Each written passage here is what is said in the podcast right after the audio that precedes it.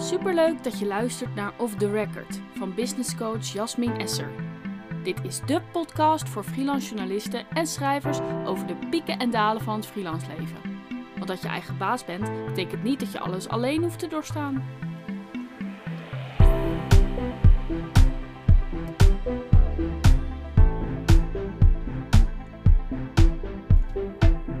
Freelance journalist worden, of überhaupt journalist worden of schrijver, dat doe je niet voor het geld.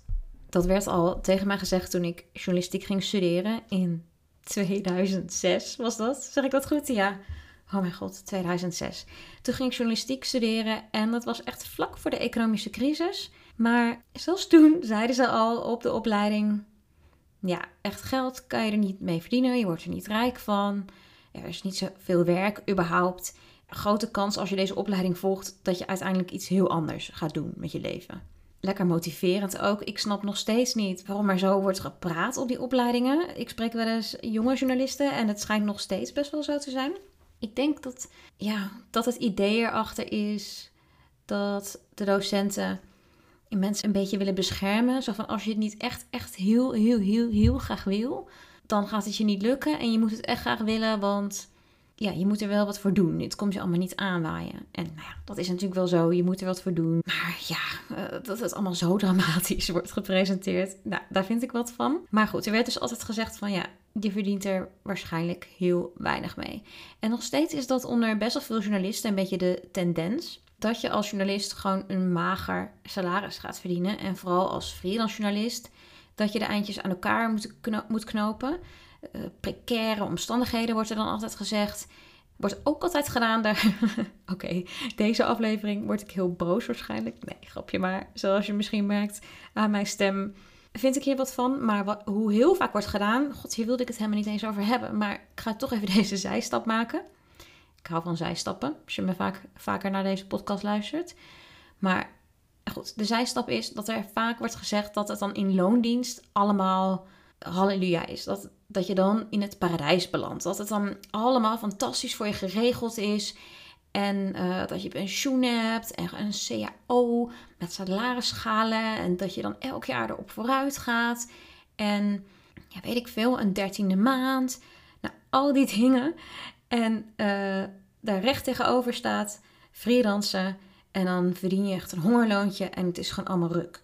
Ik vind dat dus veel te zwart-wit gedacht eigenlijk. Ten eerste heb ik acht jaar ongeveer in loondienst gewerkt. En begrijp me niet verkeerd, ik heb, de, ik heb echt de tijd van mijn leven gehad. Ik had het niet willen missen. Ik heb superveel geleerd. Ik heb onwijs veel leuke mensen leren kennen. Ik heb heel top werk gedaan, mezelf daar kunnen ontplooien. En uh, ja, uh, bedrijfsborrels gehad zoals ik waarschijnlijk nooit meer ga beleven in mijn leven. Daar waar ik soms ook wel een beetje nostalgisch van word. Dus niks mis met loondienst wat dat betreft. Maar ik had geen pensioen hoor, toen ik in loondienst werkte. Er was ook geen CAO. Ik werkte bij best wel kleine bedrijven. Ja, kon je het een start-up noemen? Denk het wel. Er eh, waren dus geen cao's. Er was überhaupt de eerste jaren helemaal geen HR-persoon of zo. Je moest het gewoon allemaal zelf een beetje uitzoeken. Dat had zijn charme, maar dat had ook mindere kansen. Namelijk, ik had echt een mager salaris in de tijd dat ik in loondienst werkte. Ik werkte 40 uur en ik heb jarenlang voor 1800 euro bruto gewerkt. Volgens mij hield ik daar dan iets van 1600 euro aan over. Ik kon daarvan rondkomen, maar nou, ik kon niet echt sparen bijvoorbeeld. Laatst las ik bijvoorbeeld weer ergens dat Um, dat was ook een soort aanklacht op de freelance tarieven. En er werd gezegd: freelance journalist, dat is gewoon niet voor iedereen weggelegd als je uit een bepaald soort milieu komt, dan kan je dat gewoon niet gaan doen. Want uh, ja, het is gewoon echt alleen voor de happy few. Voor mensen met een dikke spaarrekening, een rijke partner op wiens je kunt teren. Of uh, met ouders die een steentje bij willen dragen. Nou, ik kom niet uit een rijk gezin. Ik ben alleen met mijn moeder opgegroeid. In een heel klein dorpje. We woonden in een sociale huurwoning. Nou, een rijke partner. Ik heb een partner die in loondienst werkt, maar die verdient gewoon een, gewoon een modaal salaris, denk ik. Kan je dat een rijke partner noemen? Ik weet niet, als wij alleen op zijn salaris zouden moeten leven. Nee, het is niet per se dat ik op hem heel erg kan terugvallen. Um, en een dikke spaarrekening had ik dus ook helemaal niet. Ik had wel wat spaargeld toen ik begon met freelancen. Maar ik kon helemaal niet superveel sparen, omdat ik in loondienst dus een karig uh, loon had. Volgens mij had ik 5000 euro toen ik begon met freelancen. Ik vind dat eigenlijk wel minimum wat je zou moeten hebben. Hopelijk maak ik nu niet iemand bang of zo. Maar dat was een prima buffertje om um, ja, de eerste maanden eigenlijk op te kunnen vangen dat ik geen inkomsten had nog. En um, ja, het was wel een periode die ik moest zien te overbruggen.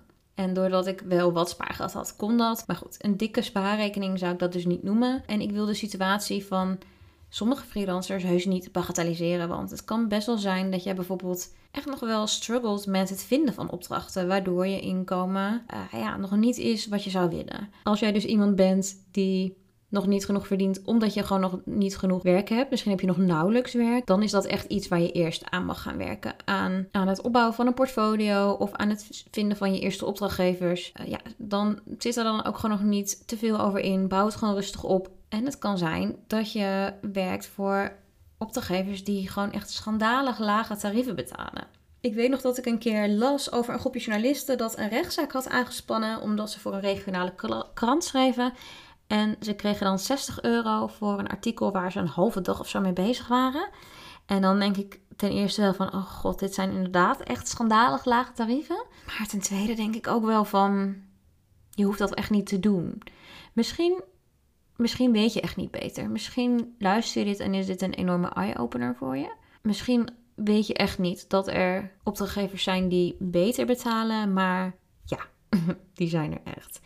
Geloof me, ga niet akkoord met zo'n schandalige laag tarief. Als je dan het niet redt financieel, dat is logisch, want dat is ook echt gewoon bizar. Ja, er zijn veel freelancers die zich, uh, die dan daar boos op worden, op die opdrachtgevers. Van, dat zou niet moeten kunnen, uh, ja, schandalig inderdaad, uh, uitbuiterij, nou, weet ik veel wat er allemaal over wordt gezegd, maar ze wijzen dan altijd naar die opdrachtgevers. En I get it, het is ook belachelijk ik ga het niet goed praten, want het slaat natuurlijk helemaal nergens op. Maar tegelijkertijd denk ik, ja, je kan, je kan jezelf opstellen als een slachtoffer van bijvoorbeeld dit soort lage tarieven en wijzen naar uh, uitgeverijen die freelancers willen uitknijpen of zo. Ja, dan blijf je daar een beetje in hangen en word je cynisch en moedeloos. Of je kan denken van oké, ik ga mijn ondernemerskills verbeteren. Ik ga kijken hoe ik toch goed kan verdienen als freelance en misschien had je daar nog nooit over nagedacht, omdat je niet dacht dat het een optie zou zijn. En ben je onbewust een beetje in die slachtofferrol terechtgekomen. Nou, dan hoop ik dat deze podcast je gaat helpen om er op een andere manier naar te kijken. Want ik ben er gewoon heilig van overtuigd dat je goed kunt verdienen als freelance journalist. Toch nog even misschien een disclaimer. Als je werkt voor lage tarieven. Ik heb dat ook gedaan. Ik heb zelfs gratis gewerkt.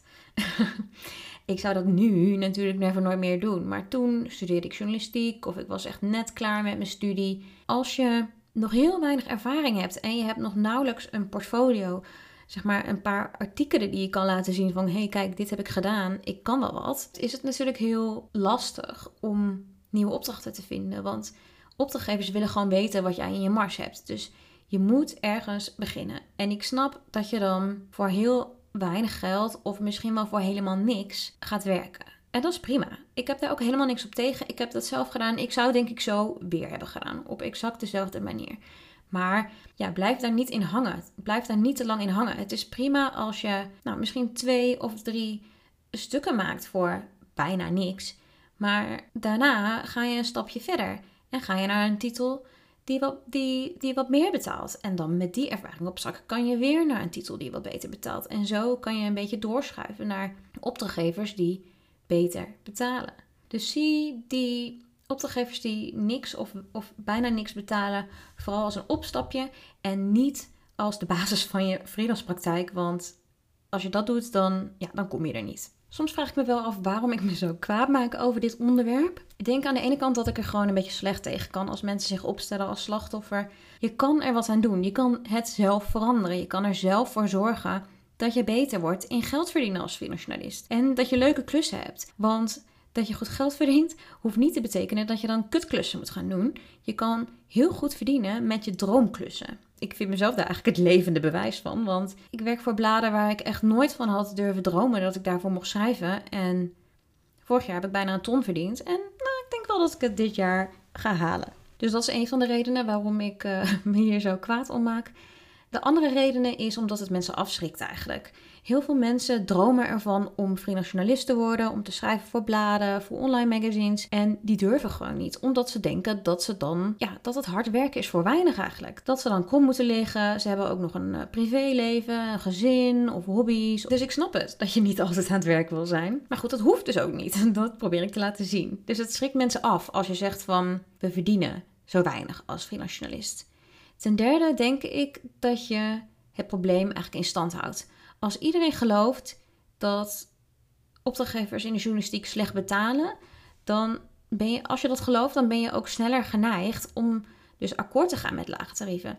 Als iedereen tegen jou zegt, ja, het is geen vetpot, je wordt er niet rijk van, tarieven zijn laag en een opdrachtgever biedt jou 60 euro voor een artikel waar je een halve dag mee bezig bent. Dan denk je misschien van, nou ja, dit is nou eenmaal hoe het is. Ik heb niet echt een keus. Ik wil dit super graag doen. Dus ik zeg maar ja, dit, uh, dit vind ik gewoon mooi werk. Terwijl je dan niet weet dat je er ook wat van kan zeggen. En als iedereen denkt van dit is de standaard, dit is gewoon hoe het is, dan verandert er niks. Dus je kan klagen, maar eigenlijk blokkeer je daarmee dat de situatie verandert. Dat, maakt me dus ook boos, want ik wil gewoon dat iedereen een goed salaris verdient. Ja, omdat je het gewoon waard bent. Je hoeft helemaal niet te, te werken voor een happenkrats. Je bent het waard om goed betaald te krijgen. Nu denk je misschien, ja, uh, leuk, maar hoe ga ik dan meer verdienen? Dat ga ik je vertellen, maar eerst de column van Thea Thijssen. En de column gaat trouwens over een hele glamorous kant van het freelance leven, want ja, die is er ook.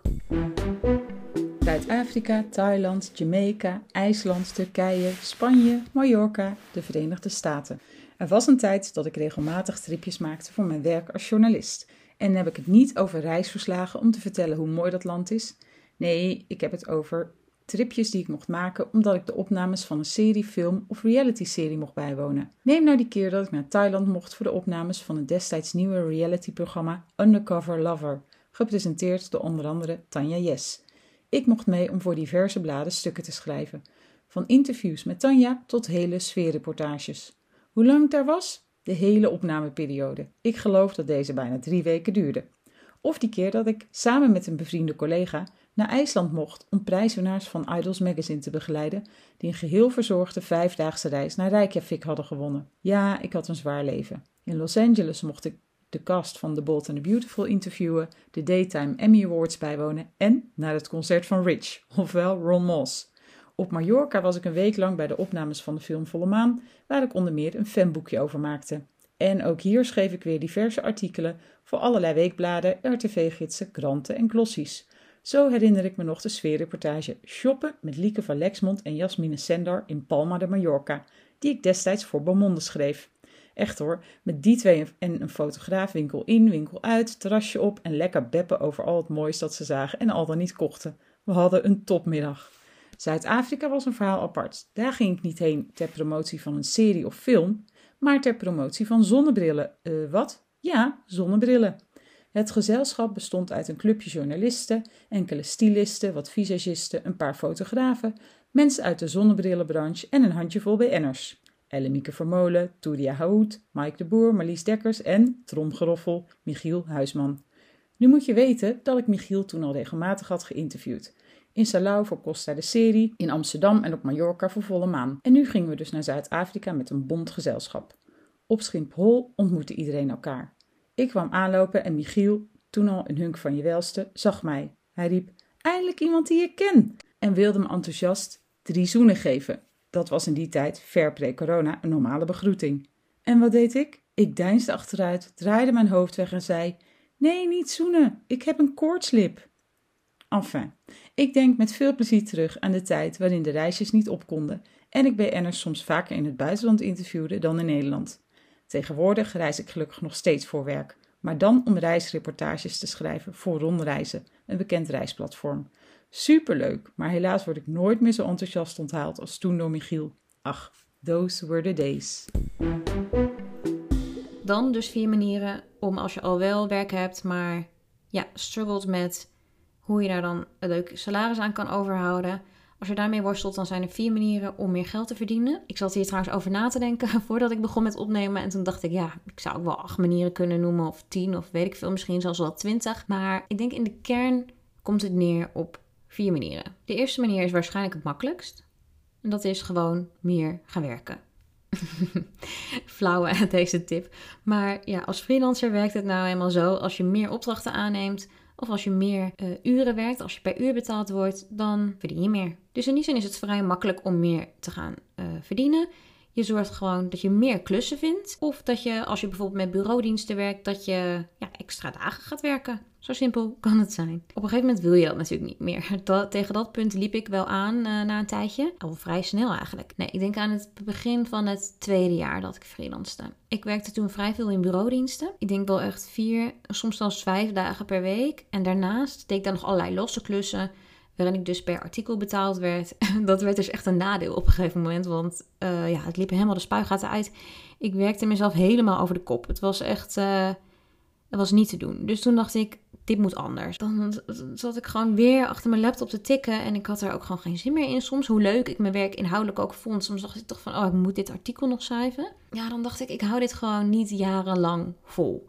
nu is het prima, maar dit is, niet, dit is geen houdbare strategie voor de rest van mijn werkende leven. Toen ben ik dus minder in bureaudiensten gaan werken en meer losse klussen gaan aannemen. De tweede manier eigenlijk waarop ik, um, die, die ik wil bespreken nu, is beter betalende klussen vinden. Daar hadden we het natuurlijk net ook al over. Er zijn opdrachtgevers die 60 euro vragen voor een artikel. Maar er zijn ook opdrachtgevers die misschien wel 1000 euro rekenen voor een artikel. Er zijn opdrachtgevers die 10 cent per woord betalen of zo. Soms krijg je per woord betaald. Ik heb een opdrachtgever bijvoorbeeld waar ik 55 cent per woord wordt betaald. Dus daar is best wel een, een, een range in. Dus er zijn echt wel opdrachtgevers, journalistieke opdrachtgevers, ik heb het niet over commerciële klussen, die betere tarieven hanteren. Dit brengt me eigenlijk meteen op het volgende punt, namelijk onderhandelen. Het gekke in de journalistiek is dat, er, ja, dat de opdrachtgever in eerste instantie eigenlijk het tarief bepaalt. Dat is natuurlijk best wel gek, want in elke andere branche, als je daar werkt als, uh, als ZZP'er, dan ja, bepaalt de ZZP'er het bedrag. Ik heb volgens mij al eerder gezegd, maar ik ben deze zomer verhuisd naar een nieuwbouwappartement. En er moest echt nog heel veel gebeuren, want dat had ik helemaal niet bedacht van tevoren. Ik dacht, ik wil een nieuwbouwappartement kopen, want dan hoef je er niet, niet iets aan te doen. Dan is het gewoon af en dan kan je er gewoon in en is alles lekker nieuw. Ik wilde absoluut geen klushuis. En toen, uh, ja, gaandeweg tijdens het proces kwam ik er een beetje achter dat je juist best nog wel veel moet doen eigenlijk aan een nieuwbouwhuis. Want er zit geen keuken in, er zit geen badkamer in, uh, geen wc, geen vloer, de muren zijn niet gestuukt. Nou, alles moet je eigenlijk nog doen. En uh, nou, wij zochten bijvoorbeeld een, um, een stucadoor en een, een schilder, hebben we ook ingehuurd. En dan, ja, dan kunnen wij echt niet tegen die mensen zeggen van, ja, wil je ons muurtje schilderen? Oké, dan betalen we dit dan zeggen zij van ja, you, wat maak jij me nou? Uh, uh, dit is mijn tarief en um, take it or leave it. De ZZP'er, de ondernemer, die bepaalt natuurlijk normaal gesproken het bedrag. Maar in de journalistiek is dat dus een beetje anders. Ik vraag me ook wel eens af hoe dat is ontstaan. Ik luister ook wel eens naar Amerikaanse podcasts over freelancen. En ik heb het idee dat het eigenlijk wel een beetje een wijdverspreid fenomeen is. Dat het niet per se een Nederlands ding is. Maar ja, in de journalistiek werkt het dus zo dat opdrachtgevers zeggen van oké, je krijgt dit bedrag voor dit artikel. Of kom bij ons een bureaudienst werken, dit is ons dagtarief. En veel freelancers hebben daardoor ook het idee dat onderhandelen gewoon geen zin heeft. Maar dat is niet waar. Het is dus wel zo dat opdrachtgevers een soort um, ja, basistarief hebben. Eigenlijk een, wel een standaard tarief in zekere zin. Dus daarom zei ik ook van ja, ga op zoek naar beter betalende opdrachtgevers. Maar dat wil niet zeggen dat er nul onderhandelingsruimte is. Ik onderhandel nou, momenteel niet superveel. Omdat ik nu wel uh, ja, eigenlijk vaste opdrachtgevers heb die, die gewoon regelmatig bij mij terugkeren, bedoel ik. En uh, waarmee ik in het verleden, waarbij ik in het verleden eigenlijk al een goede prijs heb bedongen. Maar eigenlijk bij elke nieuwe opdrachtgever die ik krijg, die, waarbij ik iets heb gepitcht of die bij mij aanklopt. En als zij dan eh, de eerste keer een tarief bieden, dan vraag ik me altijd af van, hm, oké, wat vind ik hier eigenlijk van? En ook, kan ik ergens anders aan de slag uh, wat me meer oplevert, wat lucratiever is? Stel, ik ga een artikel schrijven voor een nieuwe opdrachtgever en ze bieden me een bepaald bedrag. En, uh, en ik weet dat ik, ik schat zo in dat ik over dat artikel precies een dag ga doen, een werkdag. ik heb ook een opdrachtgever waarbij ik met bureaudiensten werk. Bijvoorbeeld bij uh, libelle.nl, daar ben ik elke maandag eindredacteur. En daar verdien ik een vast bedrag voor, voor zo'n werkdag daar. Ze huren me echt in voor een hele werkdag. En stel die opdrachtgever eh, van dat losse artikel, die biedt minder dan wat ik verdien bij Libelle op een dag. Ja, dan ben ik natuurlijk gek als ik dat ga doen. Wil niet zeggen dat ik het nooit doe. Nou, nee, ik denk, ik denk eigenlijk niet dat ik het nu zou doen. Ik zit te denken, op dit punt in mijn uh, carrière zou ik, dat, zou dat niet doen. Maar ik vind wel dat je je bewust van moet zijn, dat je erover na moet denken. Is er iets wat ik kan doen wat meer geld oplevert in dezelfde tijd? En als je dus iets anders kan doen wat meer oplevert, kan je drie dingen doen. Je kan dat negeren en alsnog die slecht betalen andere klus doen. Je kan gewoon nee zeggen. Zeg van ja, sorry, dit ga ik niet doen, want ehm, dan ben ik een dief van mijn eigen portemonnee. Die zin heb ik wel eens letterlijk gebruikt. Of je kan dus gaan onderhandelen. En dat uh, heb ik, doe ik dus momenteel niet superveel, maar heb ik in het verleden echt wel veel gedaan. En ik kan echt wel zeggen dat het me veel heeft opgeleverd. Als ik dat niet had gedaan, had ik denk ik wel echt veel minder verdiend. Sowieso omdat ik bijvoorbeeld bij terugkerende opdrachten uh, meteen de eerste keer een beter tarief voor mezelf heb bedongen. Waardoor ik dus uh, eigenlijk elke keer meer verdien. Oké, ik leg dit een beetje slecht uit. Er was er één opdrachtgever die mij een bepaald bedrag bood toen ik voor de eerste keer een artikel ging schrijven voor hun magazine. Ik krijg, daar per artikel betaald. Toen zei ik van nou, ik schrik hier wel een beetje van. Het was ook echt waar. Ik was ook wel een beetje geschrokken. Ik zei ja, bij een andere opdrachtgever verdien ik, uh, ja, verdien ik toch wel dit en dit. toen zei ze nou oké, ik kan je 75 euro meer geven. En dit is jaren geleden. En die keren daarna krijg ik dus ook dat hogere tarief. Ik heb het laatst geteld, heb ik nog 26 keer voor deze opdrachtgever geschreven. En elke keer kreeg ik dat hogere tarief. Dus niet het eerste tarief, niet dat tarief wat ze me in eerste instantie had geboden, maar het nieuwe tarief waar, waar ik over had onderhandeld en wat dus 75 euro hoger lag. Ik heb dus 27 keer 75 euro gekregen omdat ik één keer heb onderhandeld. En dat is dus gewoon meer dan 2000 euro. Eén mail, één keer er iets van zeggen, leverde me meer dan 2000 euro op. En dit is één voorbeeld. Dit is echt één voor, voorbeeld. Het loont echt om te onderhandelen. Ik kan hier nog wel uh, tien uh, voorbeelden over geven, maar dan wordt de podcast zo lang. Ook een beetje saai voor jullie, denk ik. En de vierde manier is om slimmer te gaan werken. Ik zei er eerder in deze podcast al iets over dat ik op een gegeven moment minder in bureaudiensten ben gaan werken en meer losse klussen ben gaan doen. Dat is bijvoorbeeld een van de dingen die je kunt, waar je over na kunt denken. Of waar je eigenlijk over na moet denken. Hoe ga ik mijn tijd indelen? Hoe wil ik betaald krijgen? Hoe ga ik het zo perfect combineren eigenlijk dat je de ultieme verdeling hebt tussen bureaudiensten en losse klussen. Dat je wel vrijheid hebt, maar ook zekerheid. En genoeg geld. Want ik denk echt dat die combinatie van die twee verdienmodellen, en er zijn nog meer verdienmodellen, maar laat het even specifiek over deze twee hebben.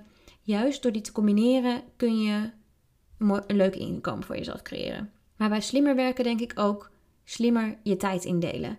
Ik wil bijvoorbeeld zoveel mogelijk interviews op één dag, zodat ik als ik ga schrijven niet gestoord wordt. Dat ik niet tussendoor nog een interview hoef te doen of iemand hoef te bellen of allerlei mailtjes hoef te beantwoorden. Als ik een lang stuk ga schrijven, dan wil ik daar gewoon me daarop kunnen focussen. Dus daarom denk ik na van oké, hoe ga ik taken bundelen eigenlijk? Nou, zo zijn er nog veel meer manieren eigenlijk om slimmer te werken. Want het gaat er niet om dat je harder gaat werken, maar dat je slimmer gaat werken. Daarom zei ik ook dat ja, meer werk aannemen, meer uren werken, de eerste manier eh, die ik noemde, dat is een heel makkelijke manier om meer geld te verdienen, maar dat is geen structurele oplossing eigenlijk voor je probleem. Uiteindelijk gaat het erom dat je slimmer gaat werken in plaats van meer gaat werken.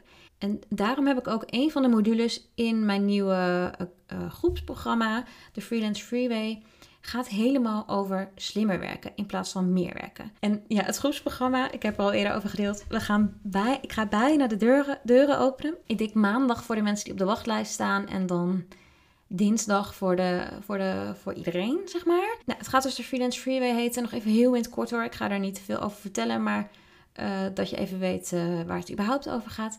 Het heet de Freelance Freeway. Het wordt een combinatie van een online training met 12 modules en uh, groepscoaching drie maanden lang om de week gaan we elkaar zien. En uh, ja, in een groep. Dus super waardevol, denk ik. Als je je netwerk wil uitbreiden. Als je van andere freelancers wil leren. Ik denk dat het echt uh, heel erg tof gaat worden. Ik heb er super veel zin in, want ik weet zeker dat, dat het echt heel waardevol gaat zijn. En wat we dus gaan leren is om meer geld te verdienen zodat we meer vrijheid kunnen ervaren en meer plezier kunnen hebben eigenlijk als freelance. Dus de, de onderkop is ook uh, meer verdienen, meer vrijheid, meer fun. Ik had eigenlijk de wachtlijst al uh, gesloten trouwens, maar oké, speciaal voor luisteraars van de podcast. Als je nog wil aanmelden voor de wachtlijst, zodat je dus maandag als eerste een seintje krijgt dat je je kan aanmelden, dan uh, klik even op de link in de show notes en dan kan je nog op de wachtlijst zetten niet verder vertellen. Of misschien ook wel. Nou, ik weet niet. Je wil er ook echt als we eerste bij zijn trouwens. Je wil op die wachtlijst staan, want dan krijg je korting. Ja, waarom zou je geen korting willen? En ik heb voor de allereerste deelnemers die zich aanmelden, heb ik echt iets super vets. Dus je wil er als eerste bij zijn. Nou goed, een van die modules heet dus 9 keer slimmer werken in plaats van meer. Ik heb net al een paar van die dingen genoemd, maar er zijn dus nog veel meer manieren om slimmer te werken zodat je meer geld kunt verdienen en meer vrijheid hebt. Want dat zijn natuurlijk de, twee dingen die we allemaal willen. En dat heeft aan de ene kant te maken met time management en productiviteit, maar ook echt met je ondernemerskills trainen. En ja, dat is ook wel waarom ik er dus zo van overtuigd ben dat iedereen goed kan verdienen als journalist. Het is echt iets wat je kan leren, wat je kan trainen. Het is niet dat ik nou een soort van heel bijzonder, een heel bijzondere journalist ben of uitzonderlijk goed in mijn werk of zo. Ja, ik denk wel dat ik prima ben in mijn werk, anders zouden opdrachtgevers natuurlijk niet met mij willen blijven samenwerken. Ik ben niet briljant, maar ja, ik heb gewoon, ik heb gewoon mijn ondernemerskills ge, getraind eigenlijk. Ja, ik ben daar gewoon goed in geworden en daardoor verdien ik ook goed. En weet ik ook zeker dat ik mijn inkomen ga, dat dat blijft groeien de komende jaren. Want ton, die ik nu dit jaar ga verdienen, ik kan manifesteren het even. Ja, dat is nog maar het begin, denk ik. Het gaat wel, uh, ja, ik denk dat er nog wel veel meer mogelijkheden zijn. En niet alleen voor mij dus, dat is waarom ik het zeg, maar ook voor jou. Je kunt goed verdienen als freelance. Maar dan moet je dus stoppen met jezelf als slachtoffer opstellen en uh, wijzen naar opdrachtgevers die slecht betalen en hen als schuldig zien van het probleem. Het is ook niet eerlijk. Het is ook stom dat ze niet eerlijk willen betalen, maar die hoef je er niet bij neer te leggen. Stop met jezelf als een slachtoffer te zien, mocht je dat doen. En stel je op als een ondernemer. En dan weet ik zeker dat jij ook goed gaat verdienen. Nou, ik denk dat het weer een vurige aflevering is geworden over een van mijn favoriete onderwerpen. Laat me weten wat je ervan vond. En misschien ben je boos op me na deze aflevering. Mag je ook gerust laten weten. Misschien heb je hem, uh, misschien heb je helemaal niet, luister je helemaal niet tot hier. Misschien kon, raakt, had niemand het einde omdat iedereen boos is afgehaakt.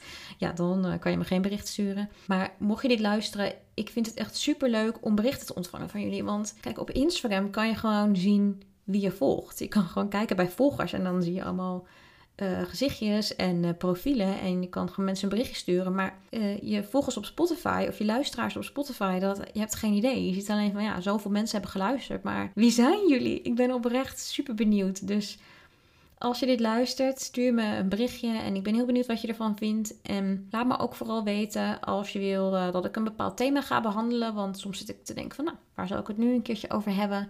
Dus altijd welkom ideeën en suggesties mocht je het waardevol vonden, dan zou ik het ook super leuk vinden als je iets wilt delen over deze aflevering of deze podcast op social media of met een bekende. En um, daarmee help je mij, maar ook andere freelancers om het freelancen leuker en makkelijker te maken. Dankjewel, echt super, super dankjewel dat je hebt geluisterd. Ik ben echt heel erg dankbaar voor alle luisteraars. En tot de volgende keer.